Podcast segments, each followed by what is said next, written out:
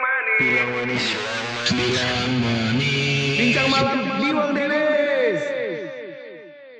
Selamat malam pendengar bilang manis semuanya. Malam. Di malam Sabtu kita. di malam Sabtu kita. Sebenarnya hari ini tuh lebih cocoknya kalau kita bahasnya malam Jumat, Cid. Waduh, kenapa nih? Kok gue merinding ya, Bang? Eh, jadi kenapa aku pengennya bahas ini lebih ke arah malam Jumat, Cin? Kayaknya kita bilang manis nih dari episode 1 sampai ke sekian nggak pernah bahas horor deh, Cin. Aduh, horor ya. Iya, sebenarnya gue juga agak-agak males Cin bahas horor, tapi kayaknya pendengar bilang manis nih banyak yang request ngomongin setan Cin. Padahal udah bagus nggak usah diomongin Cin. Hmm, Nah, ini nih ada satu narasumber yang dibawa langsung dari Kalimantan Cin. Oh, dari Kalimantan ya. Oke kenalin dulu Dim Cin, narasumbernya malam ini siapa? Oh ya, halo Kak Ira. Halo. Yuk, Halo kenal guys. siapa Kak? Oke, perkenalan Hmm. dulu nih ya. Iya Nama perkenalan dulu. Aku Destrina Iramati, panggil aja aku Ira. Aku aslinya dari Jawa. Mm-mm. Terus sekarang stay di Kalimantan. Gitu. Oke oke Ira Ira Ira. Oke Ira hari ini kan eh, bahasnya tentang perhororan nih. Iya. Langsung aja lah to the point. Ira pernah ngerasain apa sih? Atau pernah apa sih pengalaman-pengalaman mistis yang pernah Ira alamin di hidup Ira? Iya kalau gitu ya. Iya. Jadi eh, sebenarnya awal mulanya itu dimulai dari ketika aku kelas 1 SMA. Jadi flashback ke belakang sekitar tahun 2000 2005 lah, 2005 2006. Itu pertama kali aku tuh ngerasain yang namanya yang namanya ngelihat eh, hantu. Lebih spesifik eh, lebih spesifiknya tuh ngelihat pocong. Waduh. Waduh. Jadi, ya. Cong. Mister Iya, Tila ya. Oh, aduh itu itu sekali seumur hidup kayaknya tuh mesti yang benar-benar ngelihat secara langsung dan nggak bisa ber apa namanya badannya nggak bisa bergerak nggak bisa berkata-kata lagi cuman bisa berdoa aja eh, supaya hilang dari hadapan kayak gitu nah Ini posisinya di mana? Ini posisinya si Congpu ini di mana nih? Setelah- gitu di rumah Oh di rumah. waduh. Waduh, mana sering lagi situ. Ih, iya jadi ceritanya aku tuh lagi tidur eh, Hmm. udah SMA kan tidur sendiri-sendiri kan ya Iya Nah. iya iya. tuh tidur aku tuh sadar aku tuh ketindihan gitu loh Eh, pernah nggak sih kalian ngerasain ketindihan gitu tapi sadar Oh, aku sering. Hmm, nah Pernah sih pernah. Terus iya kan nggak bisa bergerak kan cuman bisa gerakin mata doang kan Oh. itu di samping aku tuh ada dua pocong dan aku tuh ngeliat dari atas sampai bawah dia tuh bawahnya nggak napak gitu loh jadi ini posisinya ini enggak, ini posisinya nih berdiri apa tidur nih? eh, aku akunya tidur Kamunya tidur. Kalau pocongnya tuh berdiri di samping aku pas gitu dan aku tuh Jadi ngeliat kasur nih kanan kirinya congpu ya. Hmm. Jadi eh, kiriku itu adalah pintu, nah Hmm. kananku itu jendela. Nah dia tuh eh, berdiri di sebelah kanan aku, jadi tepatnya di samping jendela. Itu tuh bener bener-bener nyata di depan di depan mata karena kan aku ngeliriknya ke kanan dan ke kiri karena nggak bisa ngelirik lagi kan, cuman Hmm. bisa ke kanan ke kiri sama ke depan. Aku ngeliat ke depan tuh udah nggak bisa ini, nggak bisa mau berkata, mau teriak, maksudnya biar satu satu rumah dengar tuh nggak bisa kayak gitu. Jadi aku ngeliat eh, ke kanan, si pocong ini dua dua pocong ini tuh ngeliatin aku dengan mata yang hijau bersinar Wah, hijau. Bawahnya tuh nggak ada napak kan katanya kalau hantu napak ya dia bukan hantu kan katanya. Oh iya iya iya iya. Terus aku Terus lihat ke bawah, wah kok nggak ada ya kayak gitu. Jadi ini beneran kak kayak gini. Dan itu tuh lama banget. Uh, ada sekitar satu satu jam lebih lah. Terus satu jam. Satu jam lebih kamu ketindihan.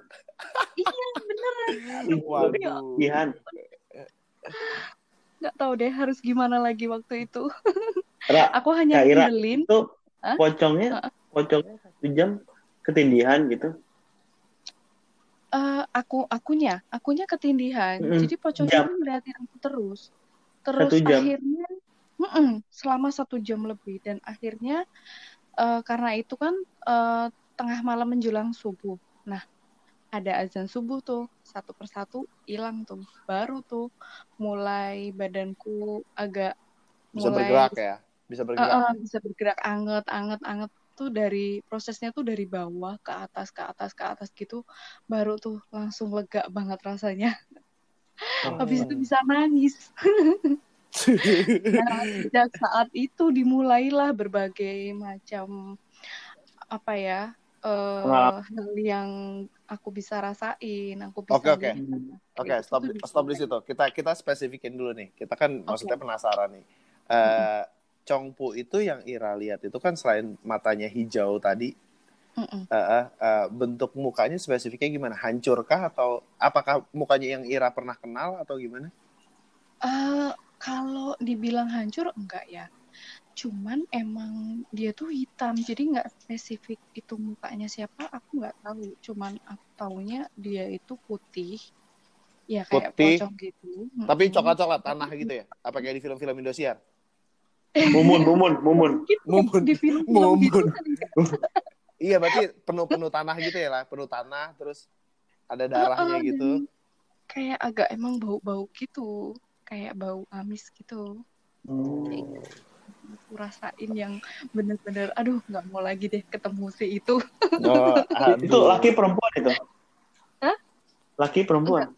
Eh, kayaknya sih laki-laki sih, tapi Ini kan ada laki-laki ya? dua. Nah, yang satu tuh kecil. Oh, jangan-jangan masih anak-anak ya, satu lagi ya. Nah, itu dia. Nah, itu aku nggak tahu deh.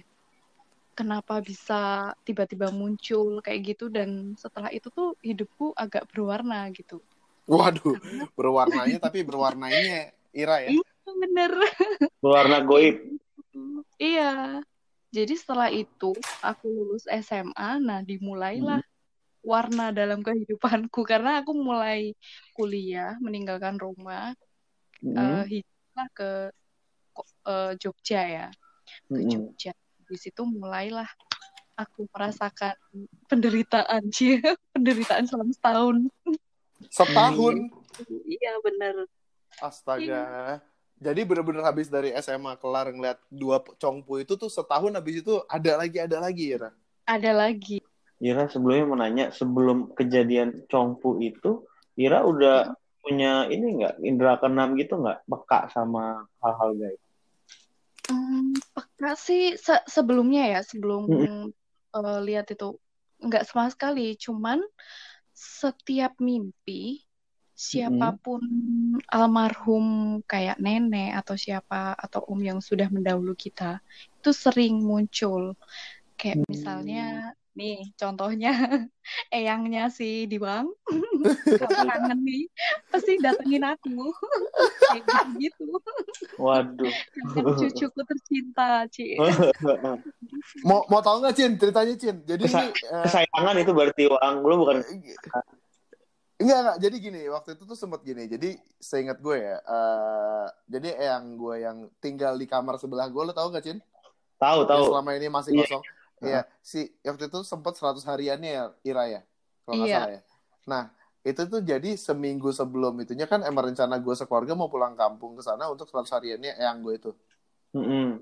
Nah, si Ira tuh kalau nggak salah ya, cerita yang gue inget ya, Ira itu tuh didatengin sama mbah gue, si Eyang gue itu. Hmm.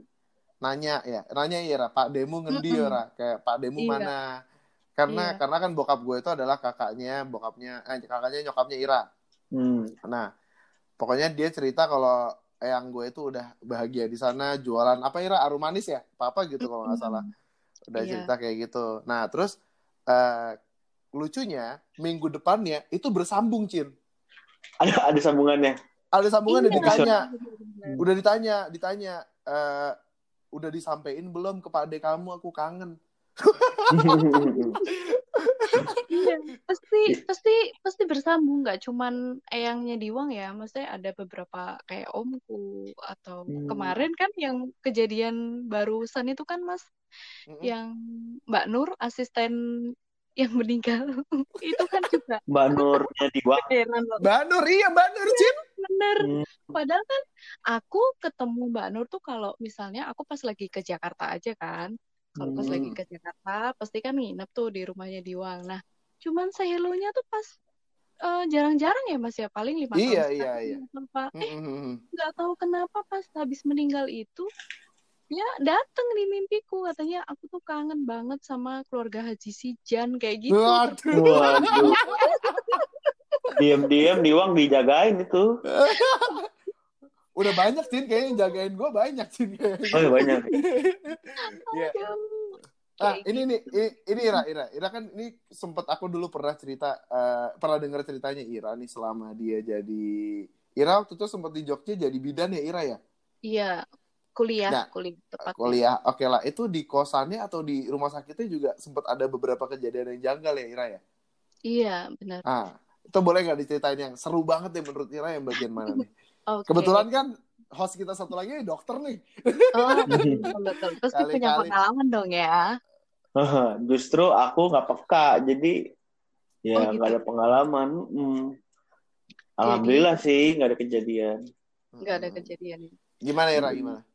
Eh, awal 2008 itu Mm-mm. mulai eh, aku kuliah. Jadi keluar dari rumah memutuskan untuk eh, ngekos kan ya di salah satu eh, sekolah di Jogja. Mm-mm, Nah, mm. saat itu sekolah itu tuh mengharuskan untuk wajib asrama. Jadi Mm-mm. boarding ya, Heeh, Mm. karena masih awal-awal, jadi eh, kayak bapak aku tuh nyuruh, yaudah kamu asrama aja satu tahun kayak gitu. Tapi saat itu tuh baru dibayar tiga bulan aja. Jadi eh, orang tua aku tuh udah bayar tiga bulan buat Asrama. asrama. Nah, selama di asrama ini kebetulan asrama asramanya tuh agak sedikit horor juga sih. Jadi pernah satu ketika aku tuh mandi sendiri. Jadi kan pada saat baru-baru penerimaan siswa baru sama di asrama baru tuh dari berbagai macam daerah kan di seluruh Indonesia. Jadi kan kayak belum penyesuaian gitu loh dari eh, Sumatera, Kalimantan. Jadi kayak asing gitu buat aku. Jadi belum ada temen. Jadi ke mana-mana tuh sendiri. Mau pipis tengah malam sendiri. Nah kebetulan Waduh. kamar sama kamar mandi tuh terpisah. Lumayan tuh agak jauh. Harus melewati lorong gitu.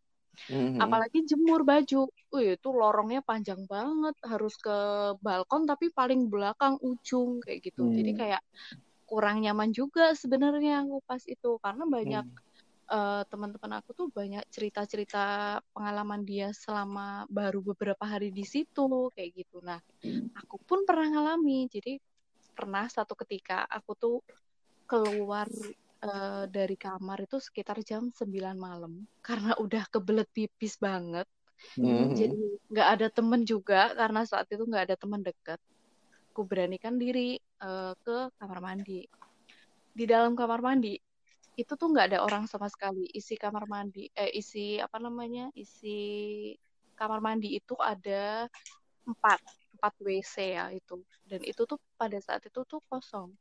Tiba-tiba dari atas tuh kayak ada percikan ap- eh, air gitu loh, Mhm. lagi ngenain aku.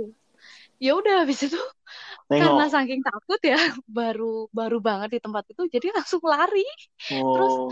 kayak cerita sama teman eh tadi tuh gini gini gini eh ternyata teman aku juga ngalamin kayak gitu kayak gitu malah ada yang eh, lagi mandi terus sampingnya tuh ada dengar suara nangis kayak gitu Waduh. Iya gitu nah singkat cerita nih aku singkat ya ceritanya biar Mhm. gampang.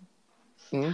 karena aku nggak betah jadi aku memutuskan untuk eh, dua minggu aja di asrama setelah itu aku cerita sama temanku satu SMA yang kebetulan satu kampus sama aku Mhm. Eh, kebetulan dia anak kos nah dia cerita sama aku terus rekomendasiin kosnya dia ke aku nah aku aku pikir kosnya itu enak aja dan kita tuh satu kos sama dia ternyata kita memang satu bapak kos, cuman beda tempat seperti itu. Jadi begitu orang tua aku ngeliat, oh yaudah kosnya murah nih, enak kayak gitu kan.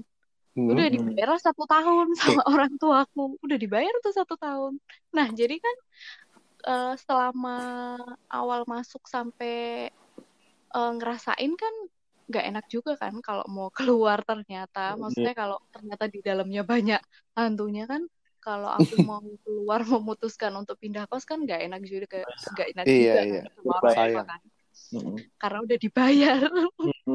Jadi mau nggak mau kita harus terbiasa. Nah di situlah mulai yang benar-benar real. Oh, jadi lebih horor di situ dibanding di asrama jadi jangan-jangan. lebih horor lagi, lebih banyak hari Abis- ngalamin kayak gimana rasanya. Hmm. Gitu. Ab- abis dari kandang macan ke kandang buaya emang ya. Betul. itu itu di tempat yang baru eh, spesifiknya apa aja Ira? yang bener-bener Ira rasain atau ngeliat apa atau apa coba deh Jadi aku tuh ngekos itu di daerah ya kurang lebih 300 meter lah dari kampus. Itu eh, kosnya itu seperti rumah, jadi kayak bukan kos-kosan sih, kayak kontrakan gitu. Satu satu rumah itu ada lima orang penghuni. Nah, saat aku masuk, kata bapak kosnya itu ada dua yang sudah terisi, jadi ada tiga yang kosong. Terus aku Mm-mm. milih kamar yang di deket kamar mandi karena aku mikirnya ya beser beser ya beser hmm, deket gitu loh, iya iya iya iya terus kayak gitu. Nah, justru aku salah malahan pilihanku. ternyata salah. Jadi eh, pernah suatu ketika eh, ternyata nih, oh ya ternyata pada faktanya itu tuh yang terisi cuman satu orang aja. Ada mbak-mbak, eh, adalah namanya inisialnya N. Dia Mm-mm. itu eh, beda kampus sama aku. Jadi dia udah senior, udah lama di situ. Nah, apesnya nih ya, temen aku itu, si Mbak itu ternyata dia itu kalau malam kerja part time di eh, Hmm. warnet. Dulu kan zaman warnet ya. iya iya iya iya iya Jadi mau nggak mau aku sendiri dong. Jadi si sebelah kamarnya itu pas depan kamarku itu orangnya lagi sakit. Jadi lagi pulang ke Bali. Jadi udah Hmm. lama sakit nggak balik gitu loh. oh Nah, jadi, jadi yang pertama tadi ya jadi yang pertama dua orang itu ternyata satunya sakit jadi pulang lagi ke Bali yang satunya lagi part time Iya, nah Oke. ternyata gitu. Aku taunya ya dua orang ini ada gitu aja lah. Hmm. Ternyata enggak ada. Sendiri. terus Iya, jadi si Mbak ini, eh, si Mbak yang part time itu adanya tuh tiap pagi sampai siang aja gitu. Nah, jadi kalau malam Oh. ternyata aku sendirian. Nah, malam pertama itu masih biasa aja.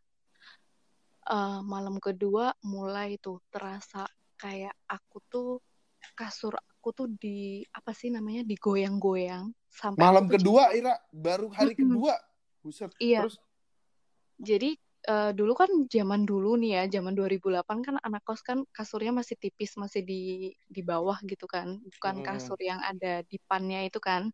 Kayak 2020 kayaknya juga kasurnya begitu Ra Paling enggak sekarang udah inilah ya, oh iya udah udah kerenan spring bed dikit ya iya iya iya terus kayak gitu. Jadi aku tidur, itu tuh tiba-tiba digoyang. Digoyang terus. Aku udah baca-baca doa, baca-baca doa. Itu tuh selalu kejadian berulang setiap jam di atas jam 12 malam. Hmm. Terus aku tidur tengkurap. Diinjek-injek dong di punggungku. Berat dong rasanya ya. Iya, Berat. rasanya rasanya kamar tuh panas. Terus berat kan rasanya Hmm. kalau diinjek-injek itu. Terus yang hari ketujuh baru tuh aku ngeliat ada cowok bapak-bapak dia itu eh, badannya kurus, gondrong, ngesot dari dari pintu menuju ke kasurku. Hah? Jadi aku. Jadi aku Waduh, ngeliatin terus? dia, aku ngeliatin dia, dia ngeliatin aku. Karena sebelumnya tuh kasurku di Goyang. goyang-goyang. Akhirnya hari ketujuh itu aku beranikan diri buat bangun. Karena Ah. sebelum-sebelumnya tuh aku kayak yang pura-pura tidur gitu loh, pura-pura tidur sampai pagi, pura-pura tidur sampai pagi kayak gitu terus. Nah, Hmm. hari ketujuh aku beraniin buat bangun. Nah, dia itu natap aku.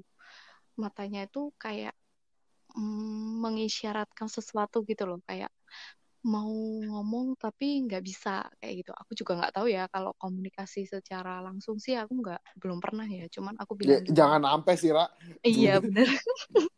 Terus? Cuman aku cuman ngomong gini, mohon maaf, aku di sini nggak ganggu kamu, aku bilang gitu. Kalau kamu mau kita berteman, eh, izinkan aku setiap malam aku tidur, aku bilang gitu, jangan ganggu aku terus. Tapi ya tetap aja sih berulang kayak gitu terus. Maksud aku tuh, aku tuh sampai loh pernah sampai stres di kampus, nggak konsen. Aku cerita sama sahabat dekatku, dekatku Mm-mm. aku bilang kak gimana ya solusinya coba kamu ini ninggalin kertas atau ballpoint siapa tahu dia mau nulis kayak gitu Aduh. iya saking konyolnya ya Ya, Iya.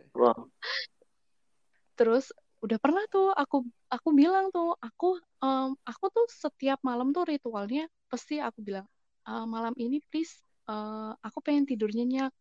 Kamu kalau butuh sesuatu tulis aja di kertas. Kayak gitu tapi ya enggak sih enggak enggak apa namanya enggak nulis. Jadi itu Oh, tuh nggak nulis ya? nggak nulis. Itu berlangsung sama selama satu bulan seperti itu terus berulang. Sampai aku tuh pulang mas Dip aku cerita Oh. tuh sama bapakku kayak gini-gini Heeh. terus kata bapakku yaudah itu mungkin salam perkenalan yaudah aku pikir ya mungkin salam perkenalan aja lah yaudah nggak apa-apa deh dikuat-kuatin aja aku bilang gitu kan Iya, orang Jawa zaman dulu mah nyantai ya, Re, ya. Iya. eh karena Udah- pikirannya udah dibayar, Iya. Udah dibayar sama udah biasa kayaknya, jadi nggak berani berontak. Iya, iya, iya, iya. Terus, terus, terus. Terus habis itu eh bulan kedua mulai tuh yang bener-bener horornya nambah. Oh, Jadi horornya makin nambah. Aduh, Eh, terus. aku lagi mandi, tiba-tiba eh, kan kalau kuliah tahu kan ya kalau kuliah medis kan nggak kayak kuliah pada umumnya ya. Kadang-kadang kan pulangnya malam, kadang-kadang eh, kuliahnya jamnya nggak jelas lah pokoknya. Ada Hmm. di mana eh, sesi aku tuh pulang jam 9 malam, jam 11 malam kayak gitu kan karena Hmm. jadwal kuliahnya ya. Nah, Iya, iya, iya. pernah pulang jam segitu. Ternyata di kos tuh nggak ada orang. Jadi setiap aku pulang malam tuh berdoanya ya Allah mudah-mudahan ada temen yang pulang kayak gitu kan. Terus aku pulang mandi lagi keramas nih. Berdoanya ya Allah mudah-mudahan nanti aku mandi tuh di atas kamar mandi nggak ada apa-apa gitu. Eh ternyata ada dong nenek-nenek lagi Oh, ngintip, aduh. Hmm. Ada lagi siapa? ngintip kayak gitu. Aku Nenek-nenek, Cin. Oh. Iya, jadi jadi kamar mandi aku itu eh pas eh, atasnya kamar mandi itu bolong separo. Jadi yang separo tuh tandon air gitu loh. Eh, Iya, iya, iya. Oke, oke. Terus? jadi yang separo tuh kosong, yang separo tuh tandon air. Ya mungkin karena buat menghemat listrik ya, jadinya Ah, karena kan lampunya cuma satu, dapur gabung Bunyi sama apa tuh yang jatuh tuh? kan. bunyi apa tuh yang jatuh tuh? Jadi Parno. Terus? Terus habis itu ya udah beneran dong di atas tandon air itu muncullah nenek-nenek. Cuma aku ya udah deh santuy aja nggak mau tahu, biarin aja yang penting aku mandi kayak gitu. Ya udah dia cuma ngeliatin kayak gitu doang. Jadi lama-lama tuh aku kayak terbiasa, ya udahlah biasa aja, biarin aja. Nah, satu ketika ada kecelakaan di depan eh, kos Kosan. kos-kosanku. Mm. Jadi kos-kosanku itu kan jalan raya, jalan ring road yang sering banget terjadi kecelakaan. Nah, satu ketika itu kecelakaannya lumayan dahsyat karena kan beruntun. Malamnya, malam setelah kejadian, itu aku udah punya firasat, waduh, pasti ada something ini sampai ke mes. Nah, bener aja dong. Jadi eh malam itu sekitar eh, enggak sore, sorry sorry sore itu aku dikabarin sama mbak mbak mes aku yang part time itu dia bilang dek kayaknya aku malam ini pulang malam jadi kalau misalnya mau nonton TV atau mau pindah kamar ke kamarku aja jadi kita sering gitu loh kayak misalnya aku sering nonton TV di kamarnya dia misalnya aku bosan di kamarku karena aku sering cerita tentang masalah kamarku kan Hmm. Nah, nah, ah, itu aku potong dulu, Ra. Pertama aku mau nanya deh. Eh, tadi kan kamu bilang eh, ini kan ada pemilik kontrakannya nih. Itu pemilik kontrakannya tuh tidur di situ juga nggak? pemilik kontrakannya tuh kebetulan di samping rumahku. Jadi si pemilik kontrakan tuh punya rumah sendiri di sampingku. Jadi Ah. Kamarku itu terus rumah kos-kosanku, sampingku Hmm. lagi ada kos-kosan lagi rumah. Pokoknya dia tuh ada empat kos-kosan, jadi satu Hmm. wilayah, tapi pisah-pisah. Kayak gitu. Hmm, satu oke. rumah, satu rumah, satu rumah kayak gitu. Nah, Hmm. Oke oke. nggak tahu Terus yang ya, terus aku mau nanya lagi. Eh, kontrakan kamu tuh di deket jalan raya atau emang udah masuk pelosok lagi nih? Enggak, di dekat jalan raya, bener-bener di depannya itu jalan raya besar. Berarti rame dong. Sebenarnya banyak ada warung, ada gini-gini gak sih? Kalau warung sekitar 10 meter lah dari depan. Kalau yang di depannya pas nggak ada. Jadi depannya pas itu ya jalan ya, jalan lalu lalang. Jadi ya ini ya kalau malam ya sepi mas. Sepi Oh, kayak kalau yang deket warung banget enggak. udah sepi terus lampunya juga redup-redup kayak di film-film gitu iya ya? redup kan Oh. lampu jalan. Oh. Terus tadi kan kamu juga kan ring apa? road.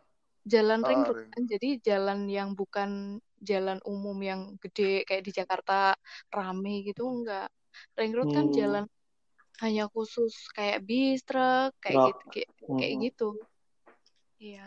Itu mbak kamu juga ngalamin itu nggak? Mbak sebelah kamu itu. Nah itu aku mau nanya tuh. sering. Sering juga. Berarti kalian suka Iya, jadi kayak dia udah terbiasa. Jadi kayak, Dek, Oh. satu ketika nanti kamu ngalamin yang lebih dari ini, kamu jangan shock kayak gitu.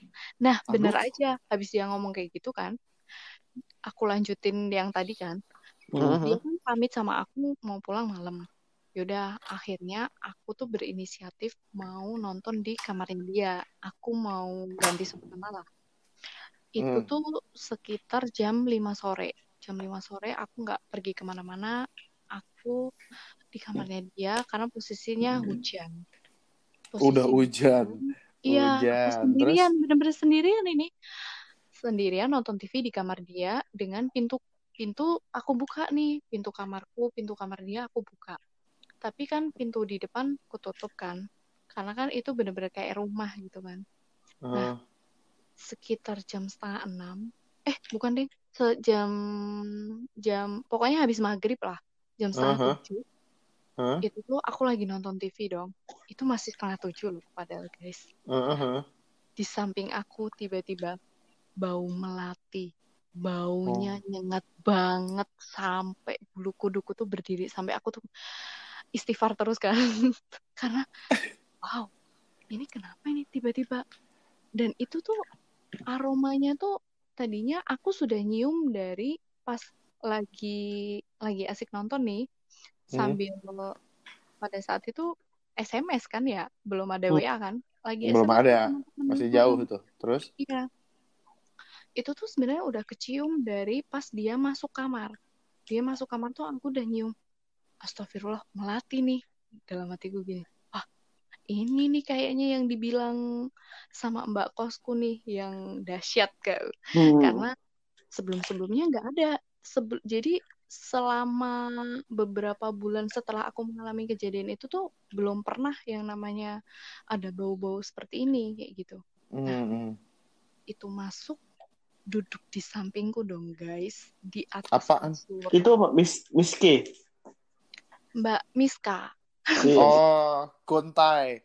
iya tuh Mbak Miska Miske habis itu baunya melati banget dan aku tuh bilang gini eh mohon maaf ya Mbak aku di sini mau nonton TV aja aku nggak mau gangguin Ini ini ini, ini Ira nggak mau ngeliat mukanya kan? Ini ngomong depan TV terus Mbak, aku nggak mau gitu. Apa gimana? Aku ngomongnya di sampingnya dia pas ngadep ke dia karena Ngadep ke dia. iya karena dia tuh Aduh. diem dengan busananya putih, terus tatapan kosong, ya itu, ya itu tadi. Aku tuh herannya gini, kenapa semua yang aku lihat tuh kayak tatapannya kosong penuh dengan pertanyaan Isyarat. gitu. Heeh, Oh, iya, penuh iya, dengan iya. pertanyaan dan isyarat. Karena kan setelah kejadian, ini kan terjadi setelah kejadian kecelakaan kan Hmm. Hmm. kayak gitu. Nah, itu tuh sampai setengah 45 menit lah. Pokoknya sampai azan Isya itu aku denger. Nah, dia mulai tuh pergi. Dia mulai jalan, aku tuh di belakangnya. Aku di belakangnya Hmm. sampai menuju pintu keluar. Aku ikutin tuh sampai hilang bener-bener hilang di belakang pintu kamar depan Hilangnya terbang atau hilang? hilangnya hilang aja Hmm. hilang aja kayak ya udah dia jalan aja gitu jadi Itu jangan-jangan dia lagi mau ikut nonton kali. Korea kayaknya. Ira kan fans Korea berat nih. Oh, saya ikutan apa sih ini? Nah itu aku nggak tahu deh mungkin dia nyari temen atau gimana ya. Cuman aduh yang ini beneran serem deh. Karena bener-bener bau wanginya tuh aku tuh sampai merinding, keringet dingin, badanku tuh kaku. Karena sebelumnya masih masih mending mereka tuh jaga jarak gitu kan.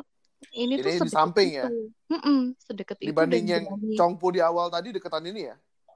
deketan ini dan dia tuh berani gitu loh anu apa Mas berani berani di deketku dan berani mondar mandir kayak gitu loh. berarti kan Hmm. dia berani Kayak- gitu loh Energinya kuat berarti. Iya, energinya kuat. energinya kuat sih. kayak gitu nah malamnya aku tidur kejadian lagi baru Astaga. ini eh, lihat yang namanya saklar lampu yang apa sih yang buat nyalain lampu Itu tuh bener-bener nyala hidup sendiri. Tetot tetot tetot gitu loh. Terus lampunya tuh hidup mati hidup mati. Itu pas aku lagi mau ke kamar mandi tengah malam. Dan itu tuh Waduh. cuman bisa lemes cuman ya udahlah nasib aja. Terima nasib maksudnya. Ya udah mau gimana Ira- lagi Iya, Ira kan posisinya di situ udah dua bulan ya. Maksudnya nggak nanya sama yang punya kos, ini ada apa gitu loh, nggak protes atau apa gitu. Hmm, mau nanya tapi Tapi nggak enak. Sungkan nggak enak ya udah gimana gimana Hmm. lagi ya aku cuman gini sih oh ternyata ini dibalik eh, kos murah kayak Tapi gitu. Ira, Ira selama nginep di situ kan punya temen kan berarti di kampus ya. Nggak pernah diajak, ayo dong sekali-sekali temenin aku tidur gitu. temanku nggak mau Gak ada yang mau. Udah emang nolak semua ya. temanku tuh nggak setia malah nyuruh ayo nginep di kosku aja daripada di kosmu horor kayak gitu karena mereka tuh jadi pernah eh, siang-siang aku bawa teman-teman deketku ke kos Kosan. mereka tuh udah bilang hawanya tuh nggak enak kayak gitu. Ada satu Hmm. temanku yang bener-bener dia sering Bisa lihat, gitu ya. Hmm. Misalnya kita duduk nih, eh tau nggak di belakangmu tuh ada itu loh kayak gitu. Kalau aku kan nggak nggak seperti itu. Aku Mhm. hanya di posisi-posisi tertentu. Jadi kayak di situasi yang bener-bener dia horor atau aura negatifnya tuh terlalu kuat kayak gitu, aku bisa ngerasain atau bisa lihat. Nah, kalau temanku nggak, dia setiap saat di mana pun kayak gitu. Jadi kayak begitu masuk mesku, eh begitu masuk kos kosanku, dia tuh udah langsung ah udahlah kamu pindah aja kayak gitu. Yang aku sebutin tadi tuh semua bener kata dia. Iya aku tuh lihat ini ini ini kayak gitu. Kayak gitu. Hmm. Itu pun sam- berlanjut sampai sekarang di di sini yang aku tinggalin. kayak gitu. Mereka Jadi ikut juga gitu ke Kalimantan gitu maksudnya.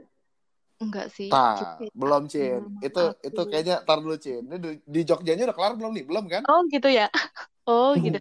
Aku kelarin dulu ya berarti ya. Eh, kelarin dulu Jadi- Jogjanya kelarin dulu. Terus Jadi eh, di kosan aku itu eh, kayak gitu terus berlangsung selama tiga bulan pertama kita perkenalan seperti itu sampai pada akhirnya setelah tiga bulan aku ada teman baru masuk ada teman Wah. lagi satu lagi masuk eh terus yang korban satu baru nih, korban lagi. baru ya.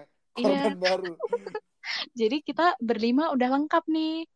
Udah Hmm. lengkap terus kita cerita-cerita ya ada yang ngalamin sama kayak aku kayak gitu. Ada yang ngalamin pokoknya yang lebih serem kayaknya aku deh sama eh, ada satu lagi mbak-mbak yang part time itu yang dia udah dari situ sejak lama ya.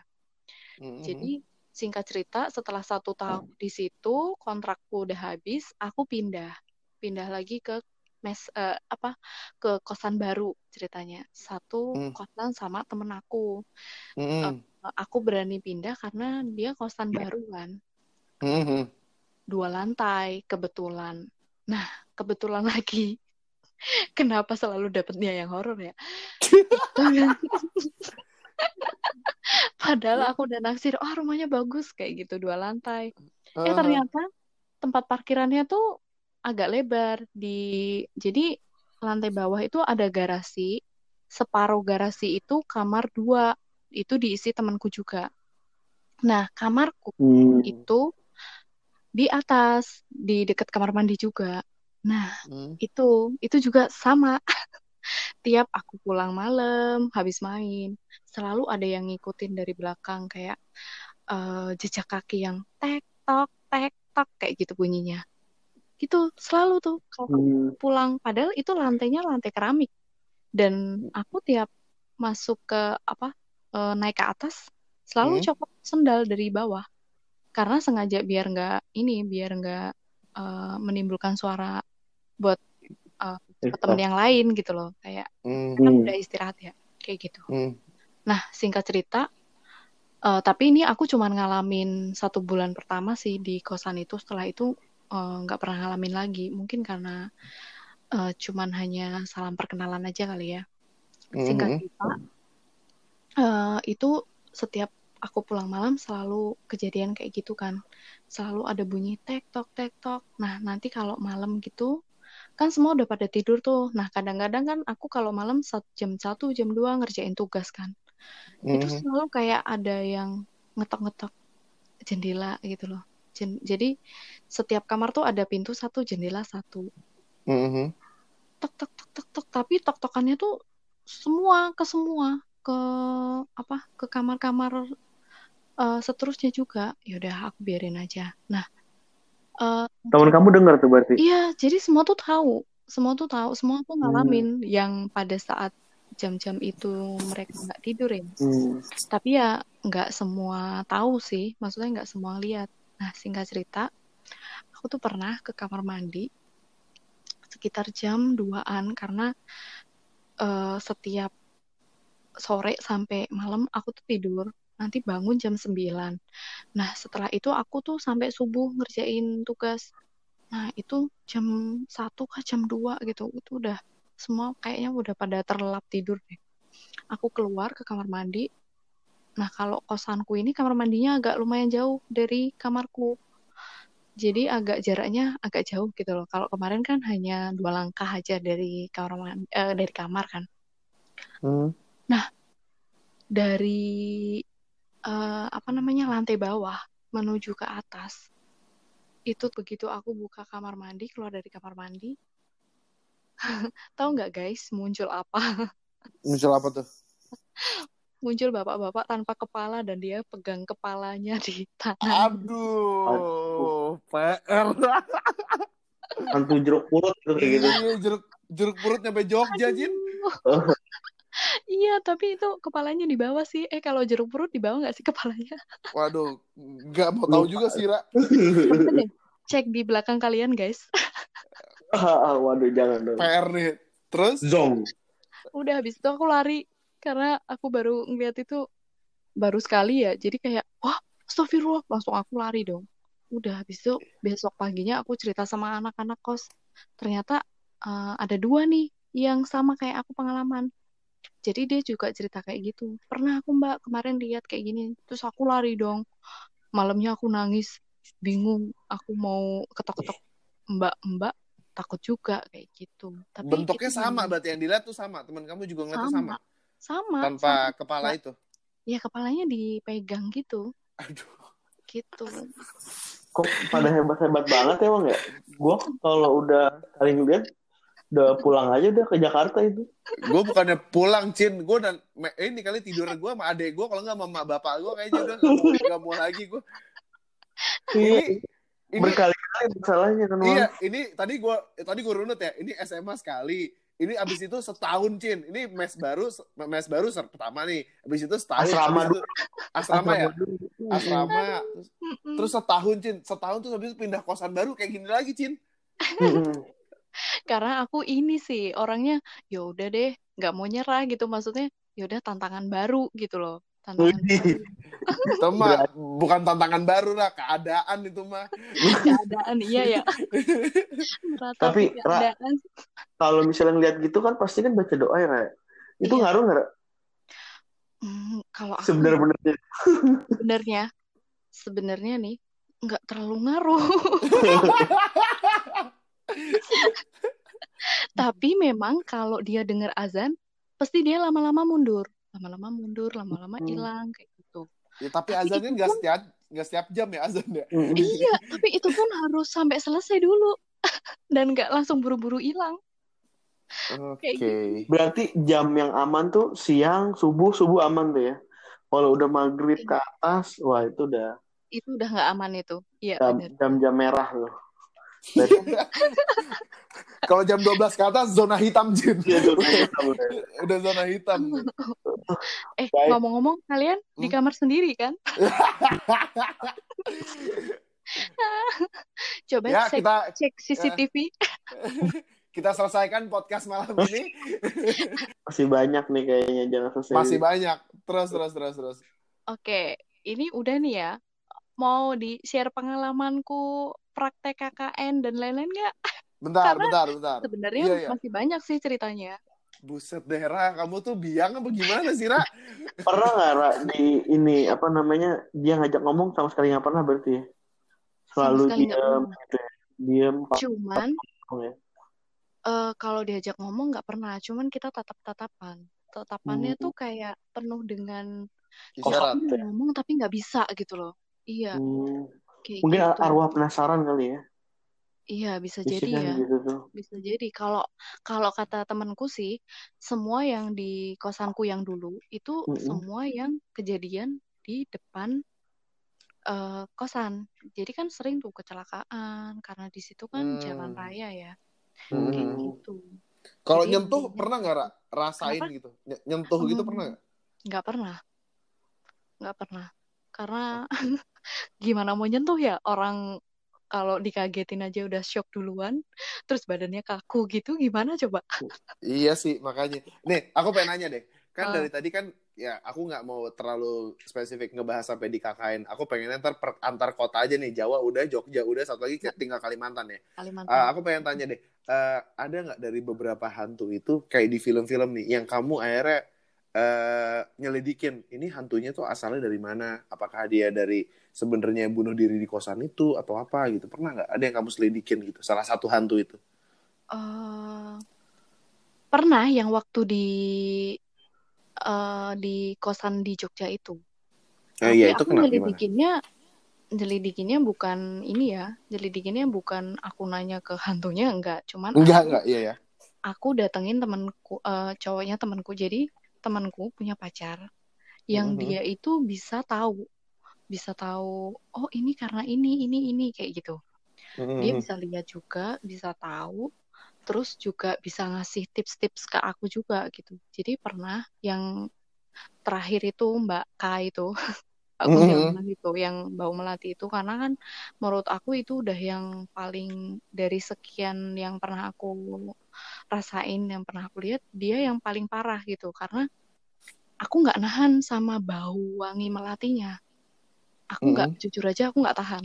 Mas eh, bau parfum tuh aku masih bisa tahan, tapi kalau bau Bau yang melati ini yang nggak PR ya. tahan sama sekali karena itu baunya orang orang meninggal bukan sih? Ini tuh melatinya bukan melati yang parfum ya, kayak gitu. Jadi aku nanya sama cowoknya temen aku, katanya tuh dia itu eh, ini apa eh, hantu tabrak lari kayak gitu. Dia pernah cerita kayak gitu. Dan Hmm. apa namanya kayak selalu bergentayangan gitu loh jadi pindah ke kosan satu ke kosan lain kayak gitu dan dia juga cerita kalau dia udah datang ke sini dia nggak akan datang lagi besoknya gitu dan emang bener dia emang cuman beberapa kali datang setelah itu udah nggak kayak gitu jadi Hmm. kayak rasa penasaranku tuh ya udah udah terjawab gitu Berarti Tapi- Wang, gue gue udah tahu yang- Wang itu Wang. Apa, apa tuh? Yang nabrak berarti ngekos. Maksudnya? ngekos di mana Dia tabrak, Oh, di la- Tugu dia ya? tabrak lari. Ber- dia ngapain ke kos-kosan? Jadi nyari si penabraknya. Oh iya nyari laki-laki itu hidung belang yang nabrak kali. Tapi tapi bener juga ya. Maksudnya kan dari tadi Ira tuh nggak ketemu sama itu berkali-kali ya. Maksudnya kan yang tadi ngesot cuma sekali. Mm-mm. Terus habis itu yang kuntai Ada juga yang sekali gitu ya. Itu kosan berarti bang? Iya itu hantu kos-kosan. Kan ada rumah ke rumah. Ini kos ke kos. Dia nyari Iya, kos iya. kosong memang Hmm. kali ya. Oke. Oke, oke. Kalau nggak deh, udah ambil satu cerita lagi. Satu cerita, ini satu cerita yang terakhir di KKN atau di praktek kamu. Apa yang paling bener-bener spesial nih? Satu cerita aja yang di situ. Benar-benar spesial satu ketika pernah KKN di daerah agak Desa pedalaman. Desa Penari. Oh, enggak, bukan Desa Penari. Desa Penari. Terus? Eh, agak jauh dari kota, jauh banget. Mhm. Itu sama teman-teman. Jadi kita disewakan satu rumah buat bersepuluh. Di Mhm. situ rumahnya tua dan biasalah eh, kamar mandi sama rumah tuh pasti jauh kan. Kayak gitu. Eh, kalau KKN tuh nggak bisa nolak ya, Cin? ya? Nggak Iya, bisa. nggak bisa nolak. Syarat Iya. ini. Syarat Kasian juga kalian ya. Dan lulus. dan kita dan yang medis pasti tahu dong, kita dipilihin ke desa yang eh, mohon maaf agak kotor ya. Iya kan? Hmm, harus Yang di, PHBS-nya tuh tinggi. harus di edukasi eh. PHBS-nya rendah. Iya, Mhm. Terus? kayak gitu. Jadi eh, satu ketika dipilihin di tempat itu karena kita harus eh apa ya namanya? Namanya KKN kan kita harus membimbing masyarakatnya Iya. supaya peduli sama kebersihan kan. Mhm. kayak gitu. Nah, singkat cerita, eh, di situ tuh kan rumah ke rumah itu jauh banget. Jadi benar-benar desa banget ya. Adanya tuh pepohonan lah. Pokoknya setiap rumah tuh ada pohon, ada kebun eh, luas. Jaraknya eh, lumayan jauh sama satu rumah ke rumah lain. Nah, setiap malam kita tuh kadang mati lampu. Terus pokoknya kita tuh harus hemat hemat-hemat listrik. Lampunya tuh cuman yang warnanya kuning kayak gitu. Nah, Mhm. Eh, singkat cerita, teman aku setiap malam minta dianterin ke kamar mandi. Hmm. Aku berdua nih, ini berdua loh ya, berdua Hmm. ke kamar mandi. Kita tuh mau pipis, nungguin yang di dalam dong, karena itu posisi kamar mandinya tutup. Mhm. Di dalam tuh cekikikan, kayak orang mandi gitu. Nah, aku panggil-panggil kan, eh, ada namanya temanku Happy. Happy, kamu di dalam ya? Dia bilang iya. Nah, singkat cerita, pas kita udah nungguin lama nih aku sama temanku berdua, tiba-tiba si Happy muncul dong dari kejauhan. Lah, Hah? Happy. Terus yang di dalam di dalam Aduh. nggak ada. Pas dibuka nggak ada. Gitu.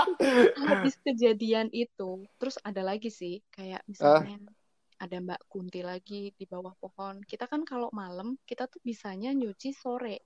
Jadi kalau pokoknya gantian gitu loh jemurannya. Nah, aku Hmm. tuh selalu kedapatan yang jemurannya malam. Jadi aku Aduh. harus keluar malam dong, sendirian. Apes, apes. Terus Yang paling berani soalnya Wang. Jadi dikasihnya malam. paling apes, Cin. Paling apes bukan paling berani. Terus? Kayaknya emang hidupku udah ini ya, dikelilingin banyak kayak gitu. Sampai sekarang Terus? Ah, kayak terus? gitu. Terus habis itu ya selalu sih aku tuh ngeliat di di atas pohon kayak gitu. Cuman aku diem aja sih, aku nggak bilang sama teman-temanku. Cuman ada satu ketika temanku tuh sampai pingsan, sampai dia tuh kesurupan karena ngelihat di bawah pohon beringin yang sering aku lihat di situ. Dia tuh shock karena belum pernah lihat gitu loh. Jadi aku aku kayak ngasih tahu ke teman-teman yang lain kemarin-kemarin tuh aku diem karena aku nggak mau kalian tuh shock kaget kayak gitu. Nah karena udah ada kejadian teman aku kerasukan pingsan kayak gitu jadi kayak kita kalau malam selalu berdua mandi berdua. Pokoknya setelah kejadian itu setelah kejadian yang di kamar mandi terus ada yang pingsan di jemuran itu tuh kita apa-apa berdua. Kalau pipis berdua. Kalau pup pun kita satu kamar mandi yang satu nemenin. Buset ke dalam. saking nggak ini. Saking udah nggak beraninya ya. Heeh, Ah, terus? takut. Kayak gitu. Ya cuman kayak gitu sih. Ceritanya nggak terlalu serem sih menurutku yang KKN sih. Masih Itu nggak nggak serem ya. Kalau kita mau ngibrit. Cin. karena kita kita bareng-bareng sih bersepuluh tapi memang semua ada cerita masing-masing memang cuman Enggak, tapi Kayak- tapi oke. Eh, Mm-mm. eh, kamu pas ngeliat kayak gitu-gitu kan sekarang pas KKN nih kalau tadi kan kamu sendiri-sendiri itu pernah nggak yang ngeliat bareng-bareng muncul gitu kamu lagi bertiga terus tiba-tiba muncul gitu pernah nggak pas KKN iya ya pas itu pas di pohon beringin itu lagi jemurin baju jadi kan aku pernah lihat sendiri Ah. terus habis itu teman aku gini eh kamu lihat deh ke jam 12 misalnya kita kan ngasih kode gitu kamu lihat itu enggak iya lihat udah biarin aja diem aja aku cuman paling kayak gitu Yaudah. waduh yang penting kita nggak gangguin aja kayak gitu Hmm. Waduh. Ra, eh, Mbak Ira kan. Apa kenapa ketemu Miss K. kenapa Pernah diketawain nggak sama Miss K? oh oh ini ada ini ceritanya yang di Kalimantan oh Wah, iya pas sekarang udah mulai ya pindah Oke. Kalimantan nih kita Pindah. oke pindah pindah Kalimantan Kalimantan. Singkat cerita, se- eh, 2014 aku nikah kan, Terus, ah, dibawalah sama suamiku ke Kalimantan. Aku nggak tahu Hmm. ternyata Kalimantannya tuh sangat amat pedalaman ya, karena dari kota Di mana kalau boleh tahu eh Mbak Ira? Kalimantannya Kalimantan Timur. Singkat cerita, awal aku ke sini, pertamanya aku di mes. Jadi sebelum kita pindah rumah, itu tuh kalau kita dapat rumah dinas, itu kan ada eh, kualifikasinya. Jadi siapa pun, siapa yang boleh pindah rumah, itu harus memenuhi syarat dan kriteria, kayak misalnya berdasarkan lama menikah dan lain-lain seperti itu Hmm. awal aku datang aku di mes dan kebetulan ini kebetulan mesnya itu di depannya itu pohon beringin Hmm. dan Punya aku pengalaman ya sama Pulau Beringin nih. iya dan aku dapat ini lagi perkenalan lagi di situ Kenalan dulu. Orientasi bang, suamiku. orientasi. iya iya iya terus awalnya aku nggak cerita sama suamiku lama-lama aku cerita aku bilang kenapa ya setiap malam selalu ada perempuan Eh, kemarin aku lihat dia masuk masuk ke kamar mandi dia Hah? berdiri di kamar mandi nah kebetulan karena kenapa terus ini masuk kamar mandi rumah di mes iya di, oh di jadi mes mes itu ada 10 kamar kan. 10 kamar itu yang menghadap ke eh, ke depan itu tuh ada lima termasuk aku. Jadi satu Hmm. deret tuh ada lima apa enam gitu. Terus karena mes itu kan langsung kebuka pintu langsung eh, di luar gitu loh. Jadi nggak yang mes tertutup nggak. Nah singkat cerita aku tuh cerita sama dia. Eh aku lihat itu loh mbak-mbak kayak gitu. Dia berdiri tuh di ini di kamar mandi kayak gitu. Ih, jangan bilang gitu dong, kayak gitu. Dia, jadi Hmm. dia tuh pernah, maksudnya karena dia udah lama di sini ya, udah lima tahun, jadi lima tahun di mes, jadi udah pernah lah pasti ngerasain yang kayak gitu.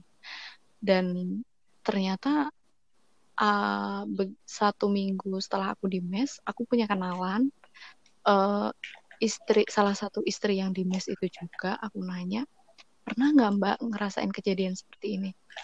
Oh iya pernah. Katanya tuh emang setiap malam tuh kadang ada yang ngetok-ngetok pintu kayak gitu. Kayak gitu. Jadi kayak apa ya? Eh, sudah biasa gitu loh. Hmm. Gitu. Kalau- Jadi Suami kamu bisa ngeliat nggak? mm, enggak. Tapi dia ya kalau auranya bener-bener ini ya ngerasain. Ngerasa lah ya. Mm-mm. Ini nggak apa namanya kan ada mitosnya tuh Mbak Ir. Kalau dengar suaranya jauh itu deket, kalau deket itu jauh. Bener nggak tuh teorinya? Kalau enggak sih, eh gimana gimana? Kalau dengar suaranya, kalau dengar kalau suara, dengar suaranya dekat. Oh iya benar benar benar benar. ya kan suara Nah, ketawa atau cerita. suara anak ayam ya katanya. ya? Heeh, benar. Singkat cerita, aku pindah ke rumah dinas. Mm-mm. Ke rumah dinas. Ini aku singkat ya biar nggak terlalu panjang dan in- karena di sini udah setengah 12 malam. Iya iya iya iya iya iya iya. Aku pindah ke rumah. Nah, satu minggu setelah aku pindah di rumah, posisinya lagi hujan kan, lagi hujan. Itu kira-kira jam 2 malam. suamiku tuh kebangun dia bangunin aku bun bun kamu dengar suara nangis nggak kayak gitu Waduh. eh bener aja dong di samping jendela kamarku jadi di samping jendela kamarku itu lahan kosong Heeh. kebun kosong eh suaranya tuh bener-bener yang khas banget bukan suara orang jadi dia tuh cekikikan "Ah, aduh, aduh, aduh, denger. nangis nangis nangis ketawa kenceng kenceng banget ini kalau orang berantem pasti udah tetangga tetangganya pasti udah kedengeran Dengeran. semua Heeh. Mm-mm. saking aja ini bukan orang kan iya jadi dia tuh nangis nangis belakangnya ketawa-ketawa nah aku tuh udah mau lihat tuh mau Aduh, keluar Aduh, tapi aduh, suamiku tuh narik-narik aku jangan nggak usah nggak usah dilihat padahal aku nih penasaran nih mau tak lempar nih pakai sapu maksud aku gitu Saking saking udah bosan ya, Ra. Saking udah bosan. saking aku sebel aja ini tengah malam gangguin aja Udah lagi berduaan kan? aduh. nggak juga sih lagi tidur Oh iya iya iya, terus Suara, suaranya kenceng berarti jauh, Wang. Ah, jauh ah, ah. iya Hmm. Nah, tapi suaranya tuh kalau di kan aku nih posisi bangun kan, terus aku berdiri kan di samping jendela kan. Itu Hmm. kayak deket suaranya memang. Semakin Hmm. deket dia semakin kayak orang ngece. Apa sih bahasa Indonesianya? Kalau bahasa Jawanya ngece, ngejek. Oh orang ngejek. Ah, ah. Tambah tambah apa ya? Tambah tambah ketawanya tuh tambah cekikikan gitu loh, tambah nangis, tambah cekikikan kayak gitu. Kayak gitu. Hmm. Tapi lama-lama hilang sendiri sih lama-lama ya sekitar setengah jaman kayaknya sih Oke oke. aku diemin Ah. aja Ah, Ra, sepanjang di Kalimantan berarti yang lihat langsung bentuknya nggak nggak pernah ya? lihat langsung bentuknya kalau bentuk ya cuman sekilas-kilas aja Sekilas, nggak kayak yang di Jogja yang bener-bener kelihatan atau di rumah itu waktu itu ya? Mm-mm, enggak cuman emang kayak misalnya ada suara orang ngaji itu pernah Ngaji. iya jadi aku tuh pernah lagi cuci piring nah Heeh. aku tuh denger kok ada orang ngaji ya di depan TV. Jadi dapur sama depan TV tuh kan agak jauh. Heeh. Tapi kok suaranya bagus banget. Nah, aku jalan dong ke depan TV. Hilang lama-lama. Tapi memang di situ posisinya kayak gitu. Terus pernah eh, kan kalau malam kan aku suka kadang ngedrakor ya. Mhm. Ngedrakor di luar, aku belum masuk kamar gitu. Mhm. kayak sering sering banget ini yang sering terjadi sih Eh, bau masakan Indomie Wah, Lapar, ternyata lapar kali si Idam lapar kali. du- dunia goib ya. juga sukanya tapi Indomie, ini Wang. tapi ini beneran sih.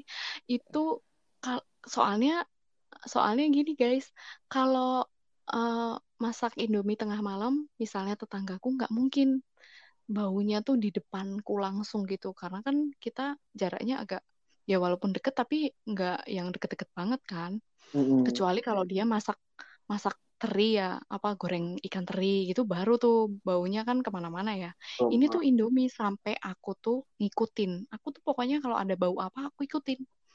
Aku ikutin habis tuh baunya di kompor. Selalu seperti Hmm. itu. Selalu kayak gitu. Berarti beneran emang misalnya- lagi ini lagi masak Indomie. mungkin ya bisa jadi ya. Terus kadang-kadang. Kadang-kadang juga kalau misalnya aku lagi ngapa nonton TV atau apa misalnya lagi oh, udah jam-jam 11 malam gitu kadang ya ada sih yang sliwer sliwer gitu Hmm, cakep. terus kadang apa namanya eh, lemari kaca jadi di belakang kan ada lemari kaca piring gelas gitu kan Hmm, itu tuh pernah buka tutup sendiri gini jeder gitu Iya. padahal Cakep. nggak ada angin Waduh. logikanya dia di dalam ini di dalam apa namanya di dalam Ruangan. rumah kan Ruangan. Iya. iya kadang-kadang keran kayak gitu kayak gitu sih tapi Eh, nggak eh, sering eh, sih Ira, Ira, kan ah, Hmm. aku coba ini pertanyaan beberapa terakhir lah. Eh, sewaktu kamu hamil nih, itu kan katanya kondisi yang paling gampang untuk bla bla bla bla kan. Selama kamu hamil, kejadian anehnya ada yang lebih aneh ya atau gimana gitu? alhamdulillahnya nggak ada sih selama hamil aman-aman aja Malah, Malah aman ya justru- pas hamil ya?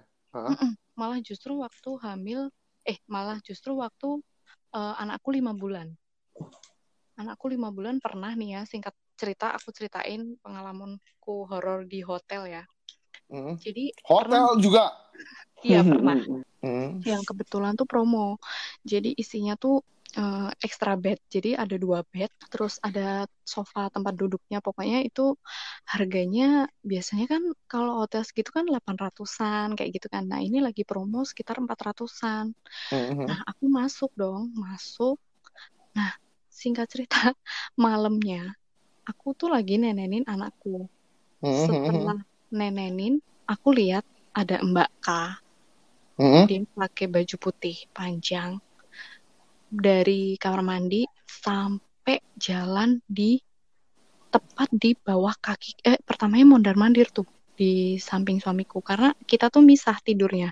Jadi suamiku di sebelah eh, kanan.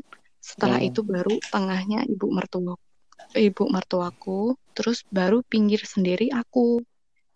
Nah, Hmm. itu mondar mandir tuh di bawahnya suamiku tuh mondar mandir. Aku liatin aja dalam hatiku, awas ya kamu gangguin anakku bangun.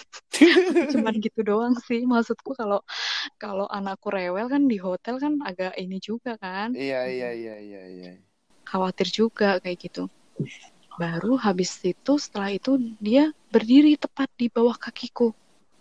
Aku pelototin tuh. Dalam hatiku ngapain lo pelototin gue dalam hatiku bilang gitu emang Udah karena udah berani karena- ya, udah bosen ya, udah biasa ya. Iya bener. Aku- karena dalam hatiku ngapain ini? Gangguin orang tidur aja dalam hatiku. Terus aku bilang aku ngucap tapi nggak nggak kenceng ya karena aku takut bangunin mertuaku sama suamiku ya. Mm. aku bilang gini pergi pergi. Aku bilang gitu pergi sana jangan gangguin anak gue. Aku mau istirahat. Udah habis itu nggak tahu deh dia masih mondar mandir di deket tirai kan uh, di hotel itu kan jendelanya gede gitu kan. Ya udah Mhm. dia mondar mandir di situ ya udah aku tinggal tidur. Nah paginya suamiku tuh pas breakfast itu cerita eh semalam aku ketindihan aku ngimpi nih ngimpi apa? Aku bilang gitu kan. Eh, ngimpi didatengin cewek. Dia baru ngomong cewek nih mas Dip. Aku langsung Mhm. gini cewek pakai baju putih rambutnya panjang loh kok tahu Iya. ciri-cirinya bener itu nggak iya lah aku lihat langsung aku bilang gitu udah habis itu sebenarnya kita tuh harusnya eh, check outnya masih satu hari lagi kan Tapi udah langsung cabut ya. Mhm. Heeh. jadi siang itu kita langsung check out pindah hotel habis itu udah nggak mau nginep lagi deh di situ Oke, oke, Gitu. oke. Udah Cin, pertanyaan nih, Mbak Ir. Ya. Pertanyaan seru nih. Mm-mm. Kalau di rumah Diwang di mana? Gak kan pernah. cerita aku pernah tuh ketindian di kamarnya Mbak Dieng Oh, kamu Mbak Iya. Tempat Masa sih, Ra? tempat Masa sih, Ra? aja nggak tahu? Ngaca. pernah dulu zaman masih single masih yang Oh, waktu iya. zaman aku masih kerja di Jakarta itu loh Eh, Mbak Ir, aku tuh sering ketindihan, jadi aku tuh jadi takut nih gara-gara kamu. eh kalau bisa kalau tindihan harus kita lawan takutnya oh iya, aku kalau aku udah udah ada metodenya, Mbak Ir. iya ya Mm-mm. Eh, kalau aku tarik napas, buang napas, tarik napas, buang napas, ter udah udah berat, udah, udah sembuh lagi. Cuman Oh, memang gitu kalau ketindihan tuh benar-benar kan kayaknya energinya diambil banget tuh kan, benar-benar ditindih gitu kan. iya awalnya awalnya kesel, awalnya baca-baca doa, tapi lama kelamaan malah ngumpat sih jatuhnya dalam di Iya, dalam hati. bener. tapi kamu cepet aja kan tindihannya Cepat nggak pernah sejam. Karena Wah, dan dan aku aku aku tahu lama. aku tahu kalau aku mau ketindihan. Mm-mm. Kerasa, kerasa kalau mau ketindihan wah nih. Mm. Aku pernah sih sekali kemarin. Badan badan capek banget nih. Iya. Terus kayak Iya, aduh mau abis ketindihan, mau kayak- ketindihan. kayak habis olahraga ya habis itu bangun-bangun kayak capek Mm-mm, banget gitu mm, capek. Tapi ya Iya. gitu. Aku juga masalah ketindihan sih udah sering juga ngeliat-liat yang aneh-aneh ya. Cuman karena gitu positive thinking ada dunia medisnya juga kan jadi ya. Iya, benar-benar. Ya, emang kita ini hidup ada dua dunia kan, jadinya ya Mau percaya nggak percaya ya, iya, percaya nggak percaya. Harus Oke, oke. Decin ada lagi mau ditanya? nantilah cerita yang masalah rumah diwang nanti. Oke, itu nanti aja. Iya. Oke, karena kan ini udah mau udah satu jam lebih dan Ira di sana kebetulan kan udah mau nyampe jam 12 malam. Hmm. Jadi sebenarnya pesan aku tuh sebenarnya kenapa aku mau ngangkat tema horor podcast bilang manis malam ini tuh pertama mungkin karena requestnya banyak ya Cin ya. Mm-mm. Requestnya banyak yang minta ayo bahas cerita mistis karena emang cerita mistis tuh nggak ada ujungnya. Mm-mm. Sama yang kedua tuh yang pengen aku bahas adalah eh yakin nggak sih kalian tuh setan se sesetan itu? Karena jujur aja ya, eh, sebenarnya sudut pandang yang mau aku ambil dari podcast malam ini adalah eh, kalau aku mau cerita tentang kemarin, kalau kalian tahu cerita viral yang kucing dibakar, Mm-mm. itu lebih setan nggak daripada setan?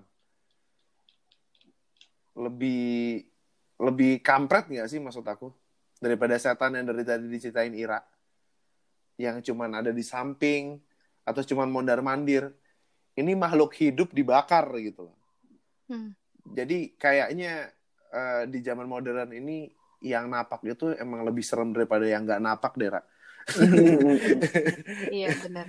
iya sampai ada yang berani masukin sabu ke Al-Quran Mm-mm.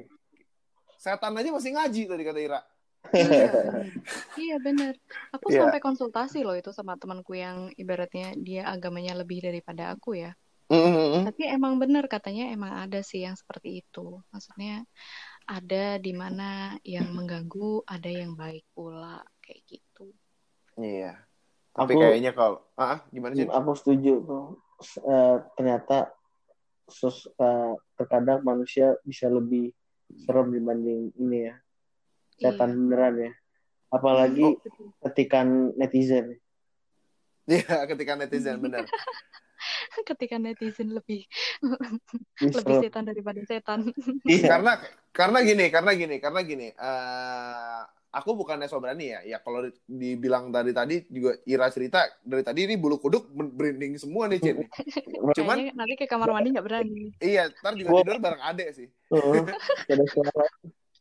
Karena ya, karena gini loh. eh aku pernah punya pengalaman di mana aku jalan bertiga nih cowok badannya gede-gede nih. Tapi kita karena nyasar. Itu tuh sempat punya mindset di mana kayak gue mending ketemu yang gak napak deh. Daripada gue ketemu yang napak tapi bawa celurit, bawa parang. Mm-mm. Betul betul bahwa- betul. Iya, iya jatuhnya yang napak sekarang tuh lebih serem, Cin. Dan mungkin ya, mungkin ya, mungkin di saat kita udah mulai dewasa ini eh, untuk urusan permistisan tuh kayak ah, jadi poin ke sekian. Kenapa? Karena mungkin banyak hal yang lebih ditakutin lagi. Mm-mm. Takut sama corona, takut sama tahun depan gimana caranya bisa buat menikah. Terus habis itu habis itu gimana caranya buat dapetin uang, Hmm. gimana cara ya banyak lah hal-hal yang bisa lebih ditakutin ternyata sekarang Iya, sama Ya. kayak ceritanya Mbak Ira kan, Mbak Ira tetap setahun di situ kan nggak takut sama setan ya. I- iya benar Iya, bener-bener. Loh, aku itu guys, kalau misalnya eh, apa namanya, selama dulu kuliah tiga tahun, kan Mm-mm. pernah eh, bimbingan ke dosen ya. Itu tuh nggak pernah aku tuh dapat jam pagi siang gitu. Pasti di atas jam 10 malam. Ke rumah dosen tuh padahal jauh. Aku tuh Hmm. nggak pernah takut di jalan mau ketemu apa pun. Yang aku takutin ya cuman itu tadi benar kata Mas Dip. Orang bawa celurit, begal atau apa pun. iya belum kalau apalagi Ira cewek bisa ada pemerkosaan segala macem Betul, betul. Amit. iya amit-amit kan ya akhirnya quotes malam ini adalah seberapa setannya lo Gue suci Wang. lo suci oke oke Ira terima kasih banyak buat malam Oke. ini ya Ira ya mau Iya. mohon maaf Jam 12 pasti di sana. Ya, Di sana udah jam terima 12. kasih. Iya, di Ah, sini ah. udah mau jam 12. oke Terima kasih banget loh udah diundang di podcastnya anak-anak gaul ini. Jangan kapok-kapok ya Mbak Ir, ntar kita undang. Oke. Dan kalian jangan takut ya guys. takut sih takut sih langsung. Takut ini, Oh, Ya, anggap aja ini warna warna-warni kehidupan. Oke, bilang manis. Signing out. Signing out.